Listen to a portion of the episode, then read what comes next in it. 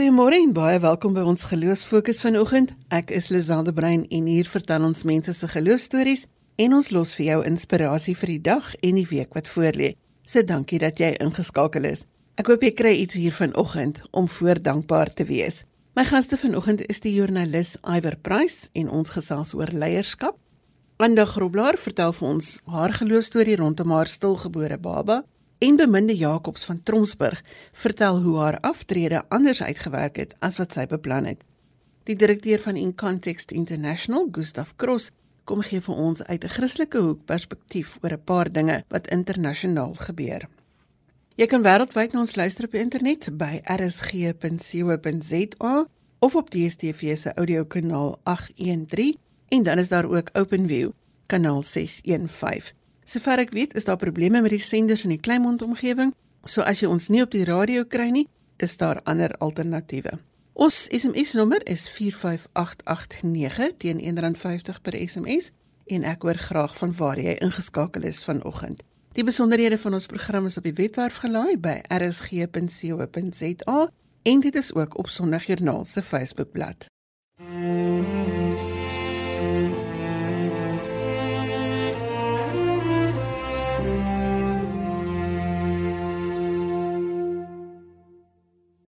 Iver Price is 'n mede-stigterslid van Food for Mzansi en hy is vanoggend hier by my in die ateljee en ons gesels oor hoop en leierskap. Goeiemôre Iver. Goeiemôre Lisel, lekker om jou te kuier.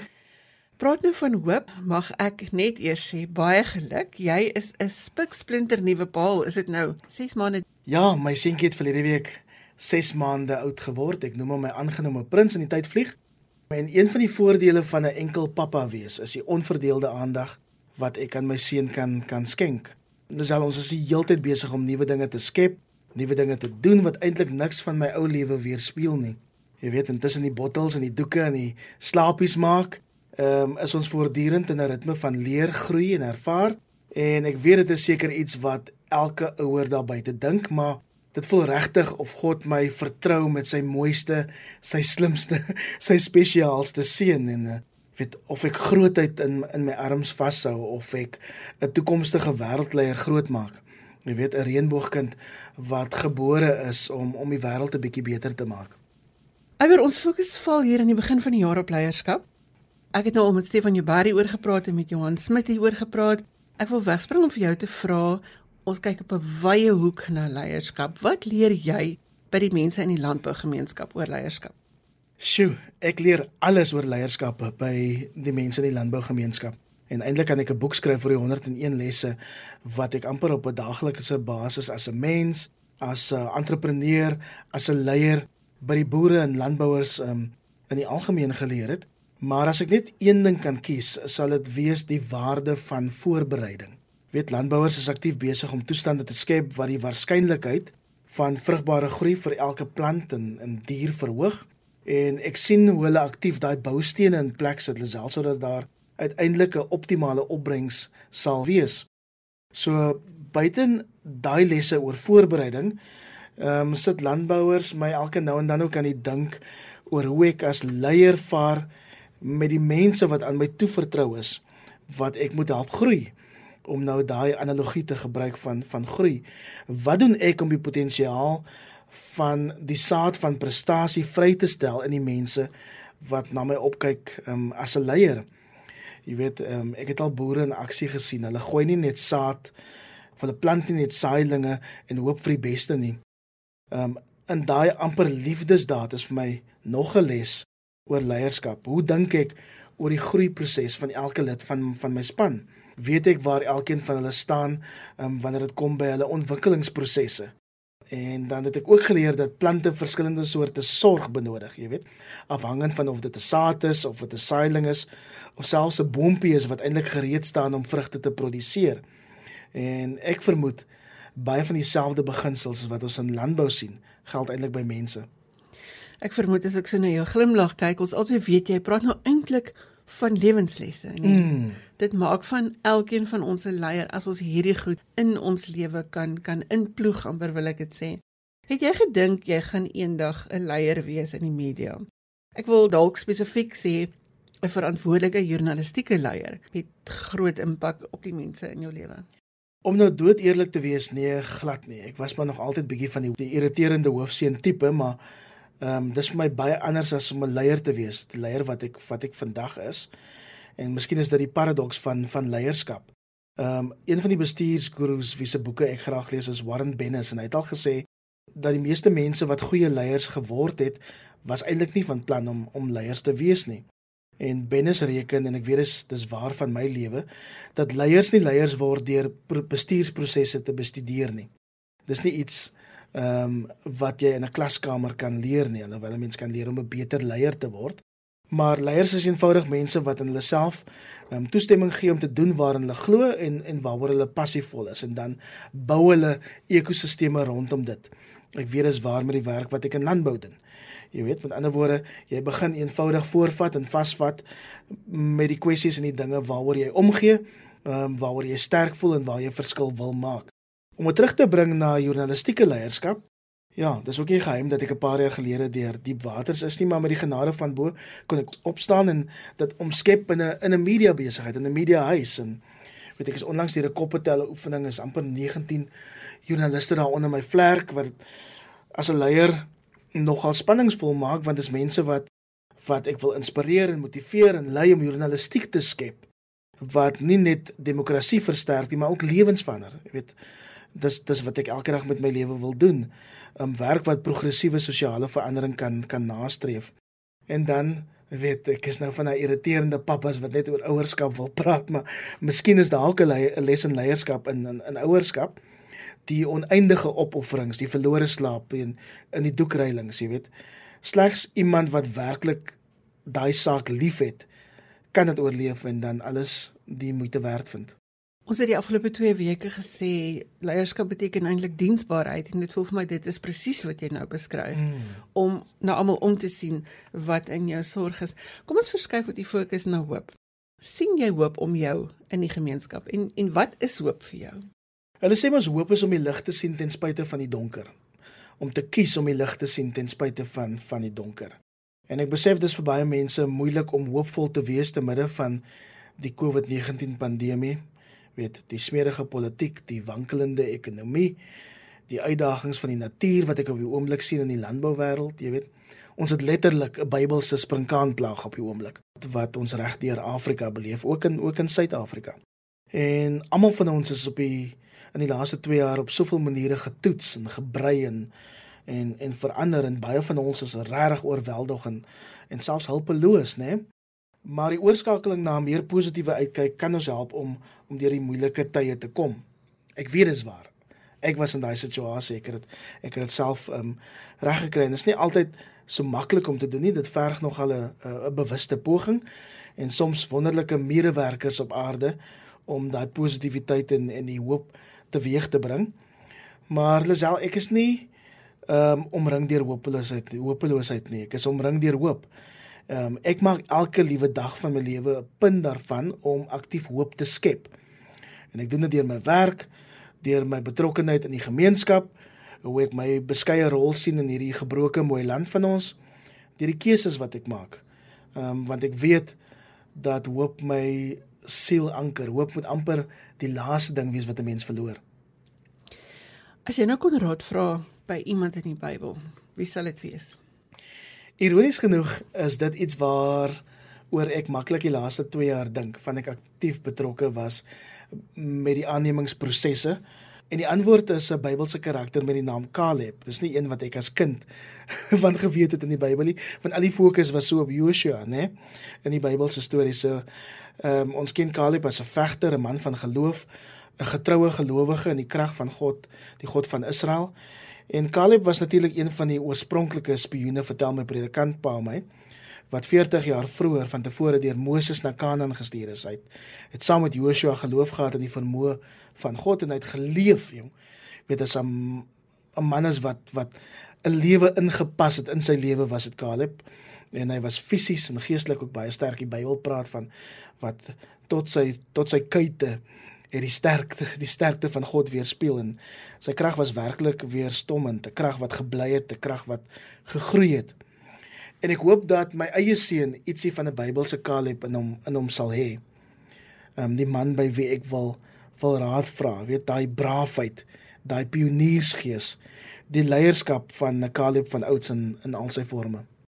Los ons iwer om af te sluit. Waarvoor is jy dankbaar? Ek is dankbaar vir die voorreg om 'n om 'n kind te kan grootmaak, maar saam met dit om om 'n kind te kan grootmaak in 'n gemeenskap van heiliges en wonderlike mense. Ek het ek het op pad hierheen gery en gedink hoe dankbaar ek is vir my ouers. Jesus, my kind kry soveel liefde. Jy weet, ek moet um, oor 'n paar dae gou vinnig Johannesburg toe gaan vir 2 dae. Maar ek het geen twyfel dat my ouers sou hierdie hulle plek sal vol staan. Ek is ja, dankbaar vir mense.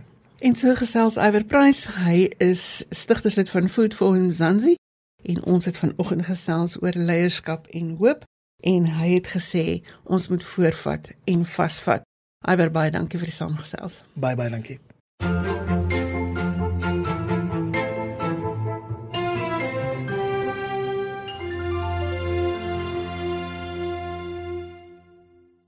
Goeiemôre as jy sopas ingeskakel het. Jy luister na Sondagjoernaal en ons gesels geloof en godsdiens hier op RSG 100 tot 104 FM. Ek het iewers raak gelees dat dankbaarheid die lewe ontknoop. Ek vermoed baie mense voel dalk 'n bietjie vasgeknoop vanoggend. So, hier is vir jou 'n manier om te ontknoop. Ek glo dankbaarheid kan so 'n bietjie orde bring in ons chaos. So kom ons sê dankie vir iets, vir die een daar langs jou. En as daar niemand langs jou is nie, sê dit vir my. Ek sien hier op SMS lyn Marike van Pietermaritzburg het gesê sy is dankbaar vir die Bybel en die belofte in Psalm 91. Annetjie van Kroonstad is dankbaar om terug te wees in die kerk en Niels van Hermanus sê hy is dankbaar omdat hy elke oggend gesond opstaan. Die nommer is 45889. Ons hoor graag van jou.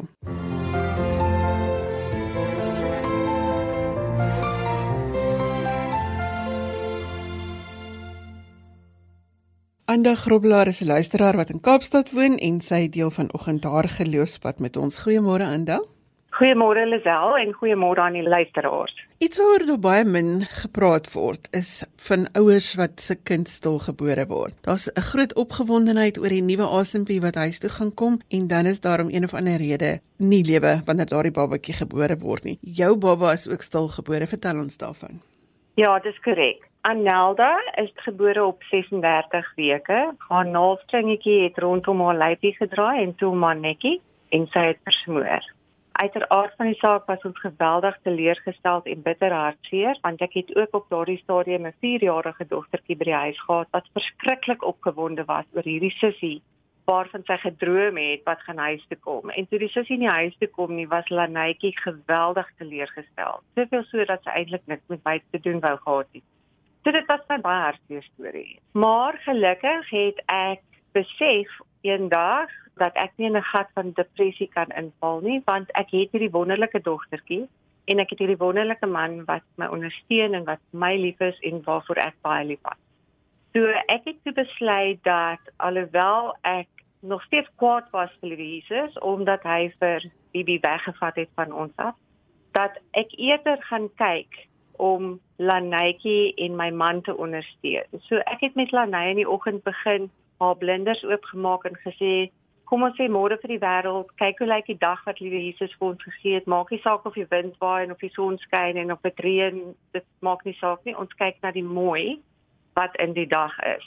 En so met der tyd het daar 'n vrede in my hart ingekom. Want jy weet as jy so rou oor 'n groot verlies soos hierdie, dan voel dit letterlik asof 'n leeu jou soos 'n springbokkie stukkie vir stukkie uitmekaar uitskeer en dit is baie moeilik om my stukkies weer terug te sit.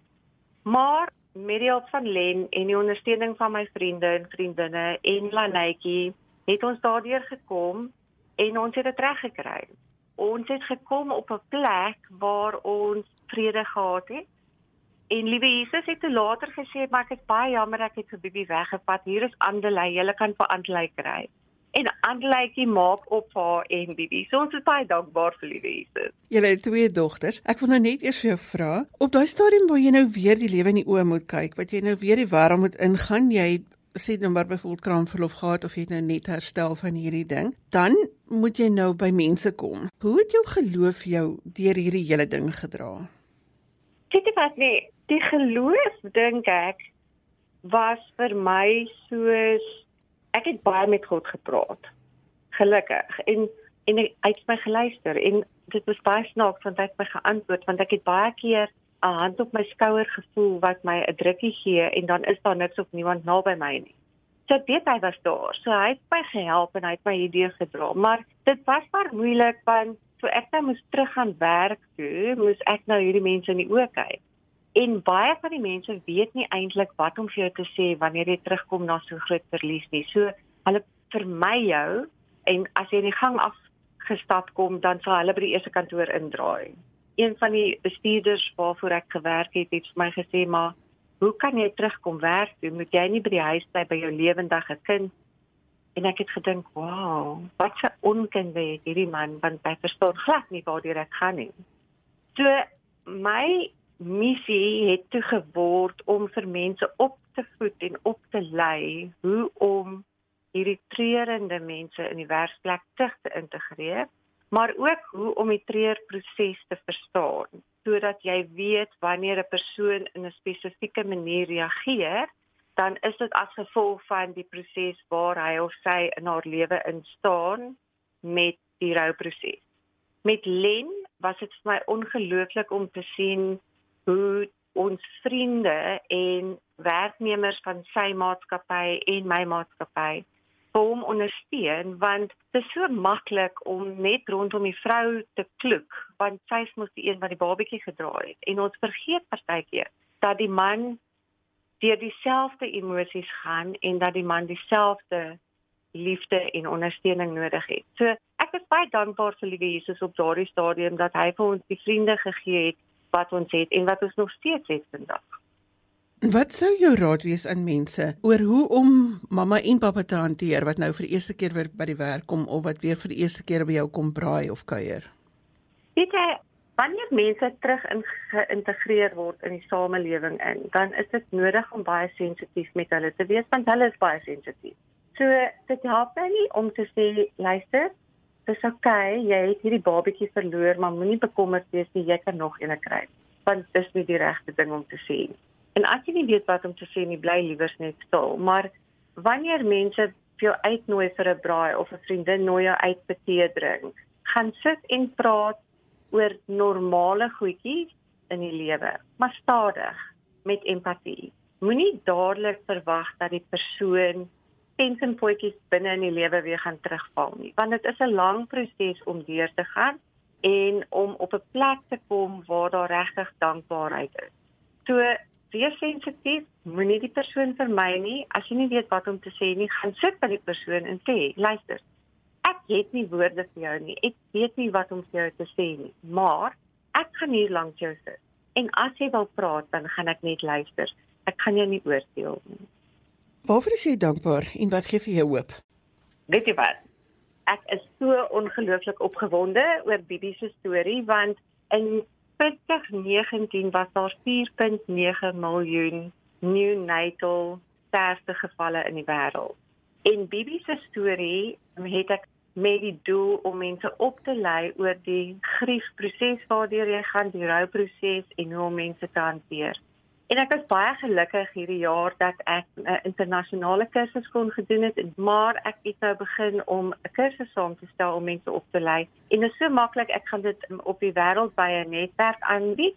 En ek hoop dat as ek net 500 000 mense kan aanraak of 200 000 mense kan aanraak met Bibi se storie en om vir hulle te sê dit is waar jy gaan gaan, dit is hoe jy dit moet hanteer, dit is hoe jy die mense rondom jou moet hanteer wat deur hierdie proses gaan. Kan jy dink wat 'n wonderlike ongelooflike verskil gaan Billy maak aan die wêreld? Maar die ander ding wat vir my ongelooflik lekker is elke jaar, Tulanay 8 oud was, my oudste dogter, het sy eendag teruggekom van skool af en gesê Mamma, mamma, mamma, ek weet wat ons kan doen vir Bibi se verjaarsdag hierdie jaar want ons het elke jaar net 'n koekie gekoop en 'n kersie opgesit en dan sit ek en sy nou maar daar en eet 'n snytjie koek want pappa is daar hartseer, hy is in die kamer en ouma kan dit ook nie hanteer nie, sy bly in haar bootstel. En Lanay het gesê ons moet 'n engeltjie partytjie hou. En so het ons 16 jaar gelede begin om engeltjie partytjies te hou by Chak elke jaar. Dan samel ons goedjies in wat die kindertjies nodig het of wat die ouers nodig het in die huisies waar hulle bly. En ons gaan en ons gaan skenk dit vir hulle op die verjaarsdag. En verlede jaar het ek my eerste internasionale engeltjie partytjie gehad en ek daar was twee mense in Indië wat engeltjie partytjies gehou het om hulle geliefdes te te vier en daar was vyf mense in Amerika. So ek hoop dat die engeltjie partytjies ook gaan groei en ook 'n verskil aan 'n klomp ander mense se lewens sal maak en dit maak my opgewonde. Dis belangrik dat jy met jou gevoelens moet werk en dat mense moet weet hoe jy voel. Anda Groblaar het vir ons haar storie vertel van haar geloofspad saam met hulle stilgebore dogter. Anda, baie dankie vir die saamgesels vanoggend. Baie dankie vir die geleentheid en ek waardeer dit regtig opreg.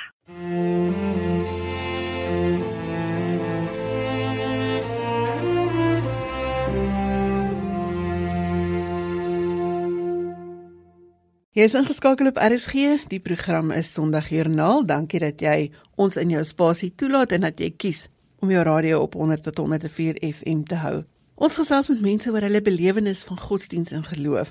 En as jy 'n dankbaarheidstorie of 'n geloofstorie het, dan kan jy dit met my deel. Jy stuur vir my 'n e e-pos by lazel@wwmedia.co.za. Beminde Jacobs woon op Tromsburg en ons gesels vanoggend oor om in die oomblik te leef. Goeiemôre Beminde. Hi, goeiemôre Lisel. Ek weet dis 'n vraag wat jy dalk seker baie kry, maar waar kom jou naam Beminde vandaan? Lisel, ja, dit is nogal 'n snaakse storie. Weet jy, my ouma eh, was 'n Aletta Petronella en ek moes eintlik na my ouma vernoem geword het. Maar toe sê my ouma daar's dan genoeg Letties en Petrus en Nellies en al daai name en toe toe sê sy ons hulle moet vir my 'n ander naam gee.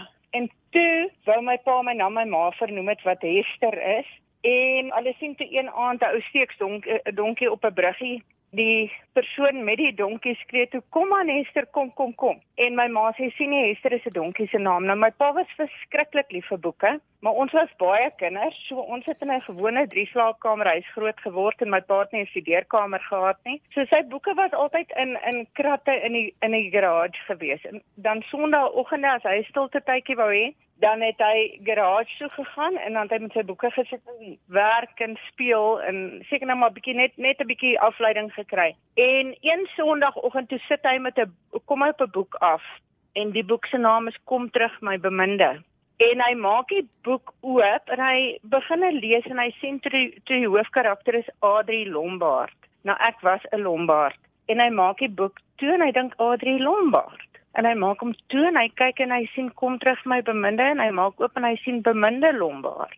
En so het ek toe nou beminde geword. Nou die naam het vir my nog nooit vreeslik betekenis gehad nie alhoewel almal altyd daaroor iets te sê het en party sê dis romanties en ag al so aan en dit het nooit vir my betekenis gehad nie maar vir my pa geweldig betekenis gehad. En so tyd terug toe ek weer eendag praat daaroor en sê die naam het nie vir my betekenis nie. Toe sê my man vir my nee, die naam is jy. Toe sê ek wat bedoel jy? Toe sê hy vir my jy sê eenvoudig net liefde. Hy sê oral waar jy kom deel jy liefde uit. So jy het die regte naam gekry. Ek het gedink dis maar net 'n naam. Jy weet dis maar net dis ag ek het niks ooit daarvan gedink het. Vertel ons van die draaiboek van jou lewe wat so effens 'n kinkel in die storielyn het. Jy het jou lewe lank gewerk en beplan vir aftrede en toe lyk jou storie anders. Vertel vir ons. Ja, ja weet jy Lisel, ek en my man bly al van 94 af in Tromsburg en ons is verskriklik gelukkig hier. Nou wat gebeur het toe my dogter hoërskool toe moet gaan, toe wou ek haar nie in 'n koshuis insit nie omdat sy 'n hartprobleem gehad, 'n baie rare hartprobleem. En ek het nou stad toe getrek met haar. Daar vir my huisie gekry want ek en sy maar naweke hier op Tromsburg kom kuier by my man. En toe ek skaars daar was, toe kry ek 'n werksaanbod wat toe nou vir my so wonderlik is. Ehm um, dat ek toe nou aanvaar om vir 'n jaar daar te werk net laat sy kan insettel by die skool en so aan. En daai jaar het elke jaar nog 'n jaar en elke jaar nog 'n jaar en elke jaar nog 'n jaar geword totdat ek uiteindelik op amper 20 jaar diens af sou tree. En uh 20 uh, 2020 November 2020 moes ek eintlik aftree en dan sou my man na 44 jaar diens by die firma waarvoor hy gewerk het afgetree in Januarie 2021. Maar nou, ehm um, so 6 jaar terug, toe sê my man vir my ek sal moet iets kry om te doen, want ek is 'n besige mens, ek moet altyd besig wees met iets. Ek ek kan nie stil sit nie. En ehm um, hy het 'n paar veteraan motors waarmee hy wil speel. So ek moet iets kry om te doen en toe kom hy met die voorstel destyds dat ek moet dalk 'n klein koffiewinkeltjie of so iets weet begin. Maar nou het ons maar die goedjies bymekaar gemaak oor die jare en ehm um, ek het beplan om dit dan nou in 2021 oop te maak. So gebeur dit toe dat lockdown aangekondig word die 23ste Maart wat nogal my dogter se verjaarsdag is. Ek moes die 26ste dan nou teruggekom met Tromsburg toe vir die 3 weke lockdown. En ek was nogal opgewonde daaroor. Ek het gedink nou kan ek baie dingetjies in die huis doen. Ek is baie kreatief en ek is altyd besig met iets. En ek was vreeslik opgewonde om vir 3 weke iets te doen alhoewel ook maar onseker soos al die ander mense oor lockdown. Maar die 24ste die oggend, ek sê altyd toe kry ek so 'n stemmetjie in my wat vir my sê gaan vandag al huis toe. Daar gaan nie veel gebeur nie want ek het by akademiese instansies gewerk. Daar gaan nie veel, veel gebeur nie en ek kom toe nou maar terug Tromsburg vir die oggend en ehm um, daai aand toe is my man oorlede. Toe hy hartaanval gehad en 'n beroerte gehad. En toe is hy oorlede in die bed. Ek het alles probeer ehm um, met CPR en so aan en ja, ehm um, dit was sy tyd geweest. Nou jy jy sal verstaan hoe hoe, hoe onsekere tyd is dit in 'n ou se lewe. Ek vind my hele mat is onder my uitgepluk. Ons drome is aan skerwe, né?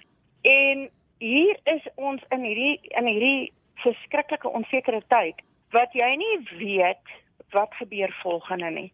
Um hoe hoe kry hoe, hoe reël jy 'n begrafnis? Dis lockdown. Al die familie is ver niemand kan hier kom en weer betyds terugwees by hulle huise in lockdown nie. Ek kry nie 'n doodsertifikaat nie, want want die binnelandse sake is wel oop, maar hulle sisteme is af en die ehm um, private sektor dien die sisteme. So dit was 'n verskriklike tyd gewees. Nou ek het basies besluit om liewers in Tromsburg te bly alhoewel ek 'n huis in in Bloemfontein toe ook het waar ek gebly het soos ek gesê het het ek nou besluit om maar hier te bly want jy het nie werkers nie en ek het vreeslik baie troeteldiere. Ek het 'n beesbok en 'n lam en 'n potbelly vark en honde en katte en so aan. En ek besluit nee, ek bly in Tromsburg alhoewel my my dogter toe wil hê ek moet liewer Bloemfontein toe kom om naby hulle te wees, maar ek weet ek kan nie eers van die van die noorde na die suide ry om vir hulle te kuier nie. En so lê ek toe nou maar en kyk vir die dak in my kamer en um stort 'n nuwe pyjamas, stort 'n nuwe pyjamas en stap om die huis met die honde. En die vierde dag, toe ek wakker word die oggend, dink ek my lewe kan nie so aangaan nie. Ek is hier dood, ek lewe. Ek en hy die naweek voor voor sy dood het ek en hy nog 'n veteranmotor gaan koop in Pietermaritzburg en dit huis toe gebring want dit sou sy eerste groot projek gewees het dan. En uh, ek lê daar en ek dink, maar ek is hier dood nie, ek lewe man. As die Here my wou gehad het, kon hy ons in 'n ongeluk gevat het. So ek kan nie ek kan nie net laat my lewe verbygaan nie. Ek moet 'n doel hê om op te staan. Maar jy sê doel nie my, my doel is om vir die diere te sorg en dit ek kan nie so aangaan nie. En ek staan op en ek stap af na sy garages toe. En hier staan toe nou nog 'n klomp veteran motors in hulle. En ek staan en kyk die spulletjies so en ek besluit, weet jy wat? Ons het 'n droom gehad en daai droom gaan ek laat waar word en ek gaan terug in die huis en ek trek my pyjamas uit en ek trek een van sy oorpakke aan en ek kom terug hier in en ek begin oppak. En ek pak gereedskap op en dis dis skroewedraaiers en dis block and tackles en al sy nommer 13 spanners wat oor die jare weggeraak het kry ek agterkaste en ek pak op. En uiteindelik het ek die, die voertuie toe nou uit en um, hulle staan onder 'n afdakkie buitekant en ek begin toe en ek dink toe maar ek, ek kan nie eers bouers inkry nie ek begin toe om die balke af te skuur want hulle ek meen dit is soos 'n man se garage. Dit was nog glad nie netjies nie. Ons bly in 'n huis wat oor 100 jaar oud is. Die buitegeboue is ewe oud. En um, ek begin toe om hierdie balke hierbo af te skuur en ek moet op 'n leer klim en ek het hoogtevrees maar ek besluit ek ek gaan dit oorwin en ek skuur die balke en dan klim ek af en dan dan maak ek lampe wat ek maak van enamel borde en konfytbottels. In die aande sit ek dit in doen en dan hekel ek lappies want ek gaan die gordyne maak met gehekelde lappies. En ek maak allerlei goeder. Enige ding wat ek kan aandink 'n ou singermasjien omskep ek in 'n wasbak vir die badkamer. Man en ek bly kreatief nê en ek bly besig en ek doen hierdie goeder. En so het ek al hierdie goedjies gedoen en alles reg gekry en mooi gemaak en presies gedoen soos wat ek en hy oor die jare beplan het. En vandag staan Tromp op hierso En dit is dit is my stukkie hemel. En dit is waar ek die naaste aan hom kan wees. Bemin ons ken die storie van van hartseer wat wat omsit in iets wat vir ander mense en vir jou vreugde gee. As jy terugkyk oor die lewe, waarvoor is jy dankbaar? Weet jy, ek is so dankbaar dat ek en hy soveel dinge saam gedoen het in die lewe. Ek sê altyd vir mense en dit dit klink dalk asof ek afgesaag is as ek dit herhaal en herhaal en herhaal, maar jy moet jy moet die lewe so voluit leef. Jy moet absoluut alles doen saam met jou maat wat jy saam met hom kan doen. As ek vandag terugkyk en ek dink aan alles wat ons saam gedoen het en waar ons oral was, dan is my herinneringe die gom wat my stuk in hart aan mekaar hou. So ja, ek is dankbaar vir die tyd wat ons saam spandeer het en en en dat ons daar was vir mekaar. 'n Storie van in die oomblik lewe, doen dinge nou want jy weet nie hoe môre gaan lyk nie. Beminne baie dankie vir die samesels vanoggend. Baie dankie vir jou Lisel en 'n mooi dag vir jou, hoor. Jy luister na Sondagjoernaal vir die wat sopas by ons aangesluit het. Ons gesels met mense oor geloof en hoe dit hulle leefwêreld beïnvloed.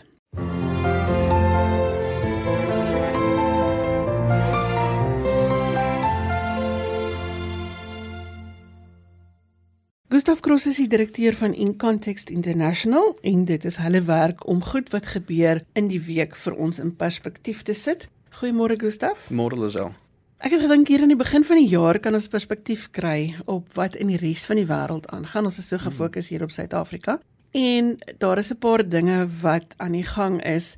Ek dink dit is belangrik om te onderstreep dat dit nie politieke kommentaar is wat ons lewe nie, maar bloot ons kyk na die wêreld se gebeure vanuit 'n Christelike gelowige perspektief. So kom ons skop 'n bietjie af met die Chileense Raad wat die Pinochet-era se konstitusie herskryf. Mm, ja, ek dink dit is regtig vir ons 'n unieke storie want ek weet hoeveel lande uh, kry die geleentheid om hulle land se konstitusie totaal en al te herskryf en watter impak gaan dit nie op 'n land hê vir dekades om te kom nie, miskien nog baie langer as dit. En ek dink dan het die kerk 'n verantwoordelikheid om daarvoor te bid en in te tree, want jy besef dat um, daar so is 'n kerk binne in hierdie land en jy wil graag hê daar moet 'n konstitusie um, gevestig word wat tot voordeel van die kerk se uitbreiding en groei in hierdie land is. Nou as ons na Chili kyk as 'n land vandag, dan sien ons dat um, bykans 87% van die land sal hulle self identifiseer as Christen, wat wonderlik is. Die meerderheid van hierdie Christene sal hulle self as as Katoliek bestempel en tog wil ons hê dat laat alle Christene binne hierdie land moet 'n konstitusie hê waarmee hulle vrede het. So op hierdie stadium is die konstitusie redelik um, tegemoetkomend vir ons as Christene. Maar nou as 'n konstitusie geherskryf word, weet mens nie wat uh, met die mense wat rondom die tafel sit om dit te doen, watter opinies gaan rondom hierdie tafel uitkom en wie gaan die meeste druk plaas op die skryf van hierdie konstitusie nie. So ons sal sien die kerkleiers binne Chili sê dat daar is drie goed wat hulle graag sal wil sien moet moet vasgevat word binne die nuwe konstitusie wat geskryf word en dit is natuurlik dat geloofsvryheid moet behou word binne die nuwe konstitusie. Saam met dit wil gelowiges ook graag sien dat die kerk baie onafhanklik onafhanklikheid um behou en laat die regering nie hulle self te veel sal inmeng. Um autoriteit sal afdruk bo op die kerk nie, maar dat die kerk 'n sekere mate sal vryheid hê oor hoe om hulle dinge te hanteer binne die land en dan derdens ook laat Christen ouers die die voorreg sal behou om hulle kinders dan as Christene groot te maak. So ek dink alhoewel 'n groot persentasie van die land se bevolking hulle selfs as Christene beskou, kan ons nie dit net van selfsprekend laat en sê nee, daar sal 'n konstitusie geskryf word wat ten gunste van die kerk en evangelisasie binne die land sal plaasvind nie. Ek dink nog steeds het ons 'n verantwoordelikheid as 'n 'n wêreldwye liggaam van Christus om in te tree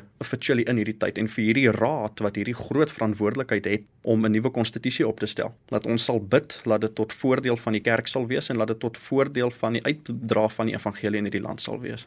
Dit voel vir my soos 'n herinnering vir onsself in Suid-Afrika mm -hmm. vir ons eie grondwet mm -hmm. dat ons ook sal bid vir alles wat daarin staan. Dit voel vir my asof ons hierdie selfde goed moet onderstreep vir ons in ons eie land. Verseker, ons is werklik een land wat regtig onsself kan vereenselwig, 'n matchly. En ek dink dit te meer gee vir ons dan as Suid-Afrikaners 'n verantwoordelikheid om in te tree vir hulle. Iran en China het uh, 25 jaar samewerkingsooreenkoms laat afskop. Waaroor mm -hmm. gaan dit?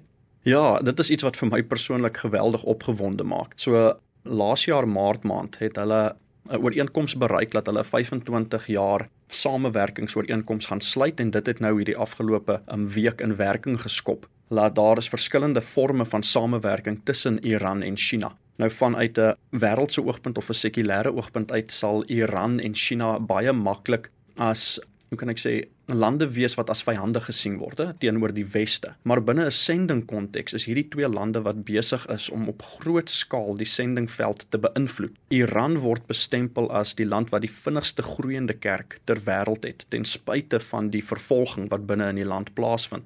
Te gelykertyd China het ook een van die vinnigste groeiende kerke in die wêreld. En ons sien spesifiek dat China is baie vinnig besig om uit te brei om nie net sending binne hulle eie landsgrense te doen nie, maar ook sending buite hulle landsgrense. En ons sien dit is besig om baie vinnig momentum op te bou hoe China die internasionale sendingveld betree deur hulle kerk. En nou sit jy met die vinnigste groeiende kerk in die wêreld Iran en jy sit met hierdie nuwe sendingveld wat wat betree word deur die Chinese. En jy dink wat 'n wonderlike samevloei van hierdie twee lande en die wonderlike ding wat hierdie ooreenkoms tussen die twee lande se regerings aanbetref is dit vergemaklik die reis tussen die twee lande. Daar's outomaties visa vergunnings wat gemaak word vir mense wat van Iran na China wil reis en van China na Iran. En hierdie geleentheid bestaan dan nou vir die kerk in hierdie twee lande om van hierdie visa vergunnings gebruik te maak. So soos wat Chinese wil uitbrei binne die sendingveld na ander lande onder andere Iran, is dit nou vir hulle soveel makliker om na Iran toe te gaan. In teenstel is dit vir Iranese soveel makliker om na die Chinese kerk toe te reis. So as ons sien hierdie twee kerke kom saam, die potensiaal wat dit het vir die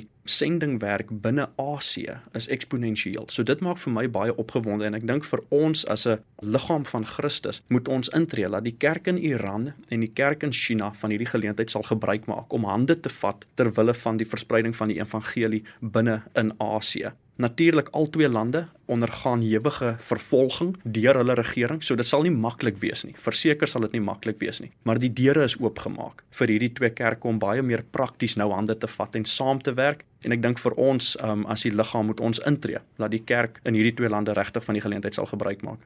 Daar's ook nog 'n paar woelinge wat Israel se politiek aanbetref. Dis 'n mm. teersaakie. Ja, natuurlik. Ek dink Israel binne 'n Christelike konteks is is 'n land wat met tye baie verdeeldheid binne die liggaam kan bring. Daar's baie verskillende opinies oor moderne Israel en waar hy homself vind, maar ek dink nietemin het ons tog 'n mandaat om regtig vir enige nasie in te tree vir vrede. En ek dink wat ons sien tans in Israel se politieke veld uitspeel, is iets wat vir 'n mens moed hoop gee hierdie nuwe regering wat gevestig is uit 'n samevoeging van 8 verskillende partye. Net in my eie gedagtes kan ek nie dink hoe kry 8 partye dit reg om saam te werk nie. En dan vir die eerste keer in die geskiedenis sien ons dat daar 'n um, Arabiese party, 'n Moslem Arabiese party, een van hierdie 8 partye is wat hierdie koalisie vorm en tog kry hulle saamgewerk. So ons sien dat as mense fokus op dit wat hulle mee saamstem en net dit wat hulle nie mee saamstem nie vir 'n tydjie op sy kan skuif, dan kan daar soveel goed daar uitkom.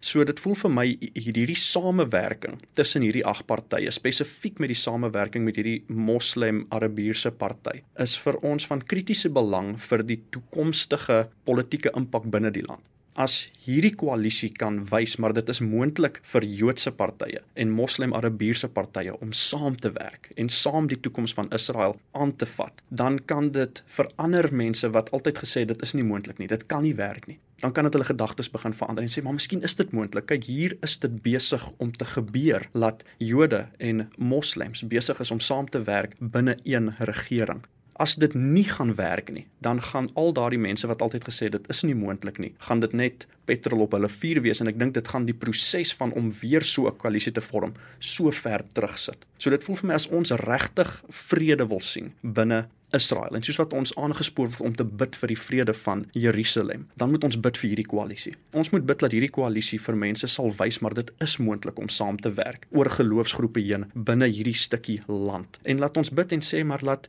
albei partye sal voordeel daaruit trek en laat hulle sal fokus op die goed wat hulle mee saamstem en laat dit dan vrugte sal afwerp vir dekades om te kom. Deur vir mense dan altyd te kan terugwys na hierdie koalisie wat gesê het maar kyk wat het hierdie koalisie reg gekry deur saam te werk. So ons moenie hierdie koalisie geringskat binne die toekoms van Israel nie. Ek dink daar word geweldig baie gebaseer hierop om te wys wat is moontlik vir samewerking of nie. En maak nie saak waar jy staan teenoor opsigte van jou opinie oor Israel nie. Ek glo ons het 'n verantwoordelikheid om vir vrede te staan. En dan moet ons vir hierdie regering intree want hulle het die vrede binne die land in hulle hande op hierdie stadium.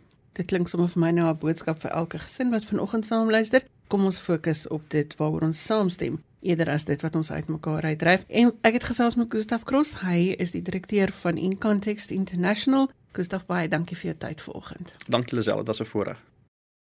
Volgende Sondag is ons weer hier op dieselfde tyd met nuwe stories waar geloof 'n verskil maak. Stuur gerus vir my 'n e-pos as jy jou storie met ons wil deel. My e-posadres is lizel@wwmedia.co.za. My gaste vanoggend was die joernalis Iwer Price en ons het gesels oor leierskap. Anda Grobler het haar geloofstorie rondom haar stilgebore baba gedeel. Gustav Cross van In Context International het 'n paar perspektiewe gedeel. En Beminde Jacobs van Tromsburg het vertel hoe haar aftrede anders uitgewerk het as wat sy beplan het. 'n Goeie herinnering om in die oomblik te leef en om nie dinge uit te stel nie. En dit is waarmee ons afsluit vanoggend. Namens produksieregisseur Neil Roo agter die kontroles groet ek en ek sê dankie dat jy ingeskakel het. En mag jy hierdie dag gebruik om iemand te inspireer. Tot volgende week. Totsiens.